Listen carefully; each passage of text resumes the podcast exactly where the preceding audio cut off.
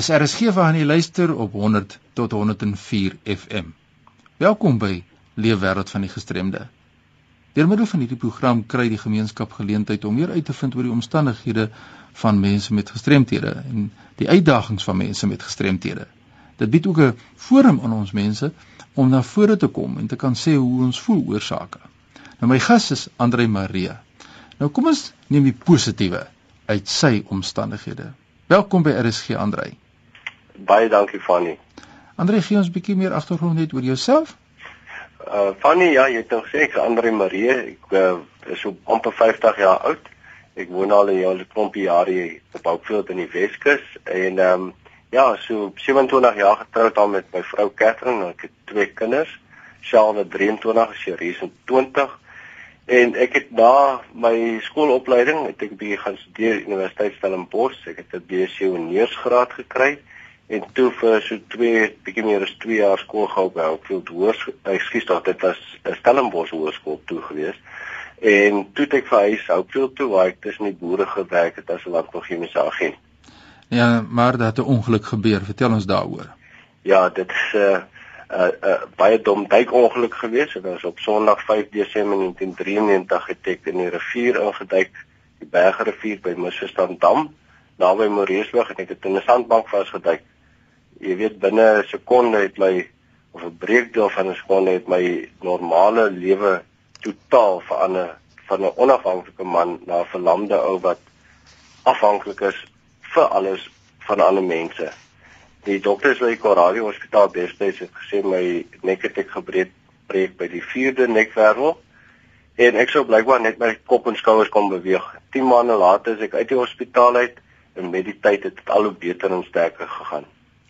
Word nou net by ons aangesluit ek gesels met Andre Marie en ons leer vanmiddag uit sy leefwêreld hier in die program Leefwêreld van die gestremde. Maar daar is seker aanpassings en aanpassings Andre? Ja, um, die eerste 9 jaar van nou na my ongeluk het dit vir my gevoel ek ek probeer nog alles verwerk en regkry. Maar nou na 19 jaar in die rolstoel, jy weet, is niks meer snaaks nie. Is nie meer snaaks om die oggende gereed gekry te word deur 'n verpleegster in die aand deur my vrou in die bed gesit te word nie.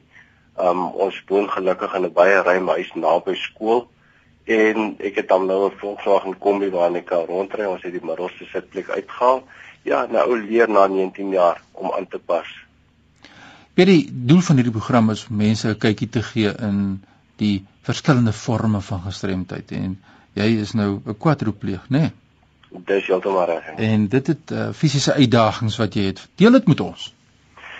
Ehm um, een van die grootste dinge as 'n ou na jy so ongeluk, dan moet jy leer om weer afhanklik te wees van ander mense en hulle help jou, maar een van die grootste dinge waarmee ek nog steeds sukkel, 'n kwadropleer sweet nie en dan oorverhitte ou baie maklik.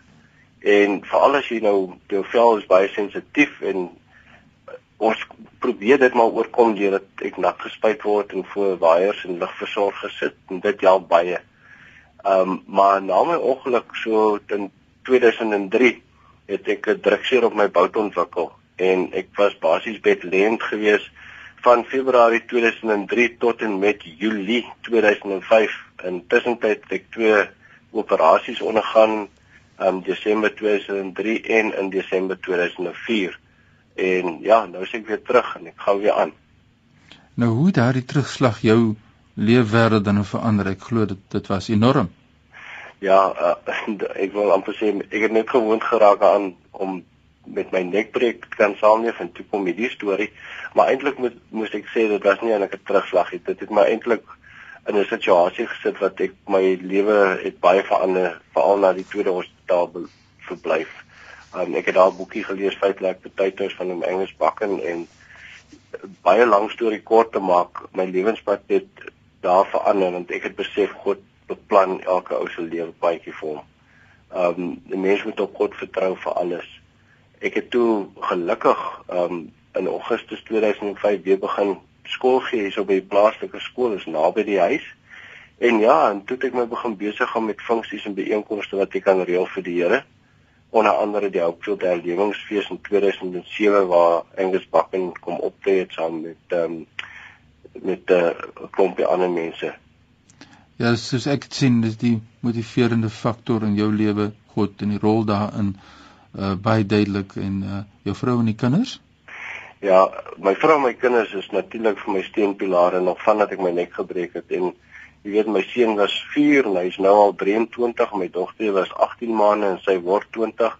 My seun is nou al 'n student, my dogter wil volgende jaar gaan studeer en hulle help my op verskriklik baie. En dan natuurlik mense wat vir my help, inspireer my elke dag en die kinders tussen wie ek werk by die skool, dit is vir my absolute plesier om met hulle te werk.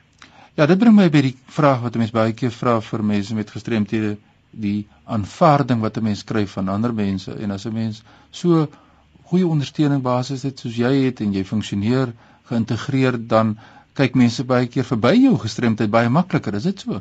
Heeltemal, hoor, dit is um in die begin het mense maar na my gekyk, maar deesdae, jy weet, een van die uh, dinge wat hulle vir my sê, stap jy voor. Nou ek sit in 'n rolstoel en hulle sien my as 'n normale ou. Um my kollegas en die kinders by die werk sien my as 'n normale mens en ek is baie dankbaar vir alles wat hulle vir my doen en bereid is om my te help. Jy weet as as ek nou net dink vinnig aan iets, as 'n mens nou kyk of luister na wat jy sê en as baie mense wat vanmiddag ingeskakel is en wat miskien nie daardie ondersteuningsstrukture het nie, wat hulle self miskien in dieselfde situasie bevind as wat jy jouself bevind, wat sou jy vir hulle sê om te motiveer? Fanny, 'n mens moet weet dat jy ten spyte van enige gestremdheid tot baie in staat is en as jy die Hemelse Vader saam met jou het, kan jy baie baie meer dinge doen. 'n Mens hoef nie te gaan sit en um in sak en as te wees oor wat met jou gebeur het nie. Vergeet van wat gebeur het en konsentreer eerder op dit wat voorlê. En 'n mens moet nie wag vir jou groot wonderwerk nie, maar jy moet al die kleintjies sien wat rondom jou plaasvind. Dit hou jou aan die gang. En as jy nou ons kyk na nie gestremde mense en jy wil nou impak maak in daardie persoon se lewe, wat sê jy vir iemand sê wat nie gestremd is? Elke ou moet besef, hy is uniek en volmaak voor God en hy het genoeg of sy het genoeg talente om daadwerklik 'n verskil te maak, 'n positiewe verskil te maak in sy eie lewe en ook in ander mense se lewens. En ek wil vir sulke mense sê, hulle moet elke oomblik benut. Hulle moet negatiewe invloede vergeet. Hulle moet fokus op die positiewe en hulle moet uitvind wat is God se doel vir hulle self in die lewe. Hulle moenie wag nie. Dit is een ding, moenie uitstel nie. Tree nou op en bes jy besef eers wat jy gehad het as jy dit verloor het. Jy weet nou net by ons aangesluit het ek gesels met Andre Marie en hy is van Hopefield. Ons hoor nou hoe vol lewe hy lei en Andre, as jy dit kan saamvat, uh hoe kry jy dit reg om aan te gaan met jou lewe? Omdat ek weet daar's mense daar buite wat ten spyte van alles wat waar waar jy ons al gegaan het, nog steeds lief is vir my. En dat ek 'n verskil kan maak in ander mense se lewens. Dit hou my aan die gang. Dit en natuurlik die die krag wat ek van bo af kry. Ja, en dit het jou as mens verander, hè. Baie beslis. Die eerste klompie jare na my ongeluk van nie, het ek die al die fases gegaan wat deur 'n persoon gaan wat trauma beleef. En tot in 2003, 2004, het ek besef dat ons nie sonder geloof en volle vertroue in God op ons eie bene kan staan nie om dit nou so te stel. En droom jy? Die ek sou graag weer normaal wil wees, nee maar intussen hoop ek ek kry nog baie geleenthede wat ek my getuienis kan oordra aan ander mense en ook vir hulle kan oortuig God leef en dat daar vandag nog wonderwerke plaasvind. En as jy dinge oor kon doen, wat sou jy anders gedoen het? Baie beslis sou ek my lewe vroeër aan die Here gewy het en nie gewag het vir 'n ongeluk om my oë te laat oopgaan nie. En as jy so ten afsluiting van ons program so 'n finale boodskap wil deurgee aan luisteraars, dis nou nie gestremde mense en gestremde mense. Wat sê jy vir mense? Ek wil afsluit van die die die Here te loof en te prys vir my vrou en my twee kinders en ook die mense wat my help, Jocelyn my verpleegster en nou Japie wat my altyd rondry. Maar ek wil al die eer aan God gee, ons Hemelse Vader, want sonder hom sou ek niks bereik het nie. Ja, dit is Andre Marie.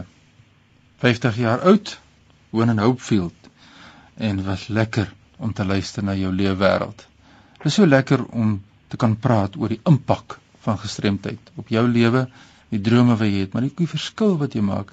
En Andre, ek dink dit is so wonderlik om te kan hoor dat mense soos jy nog steeds jou uh die dagtaak aanpak met passie en ons is trots op jou van RSC se kant.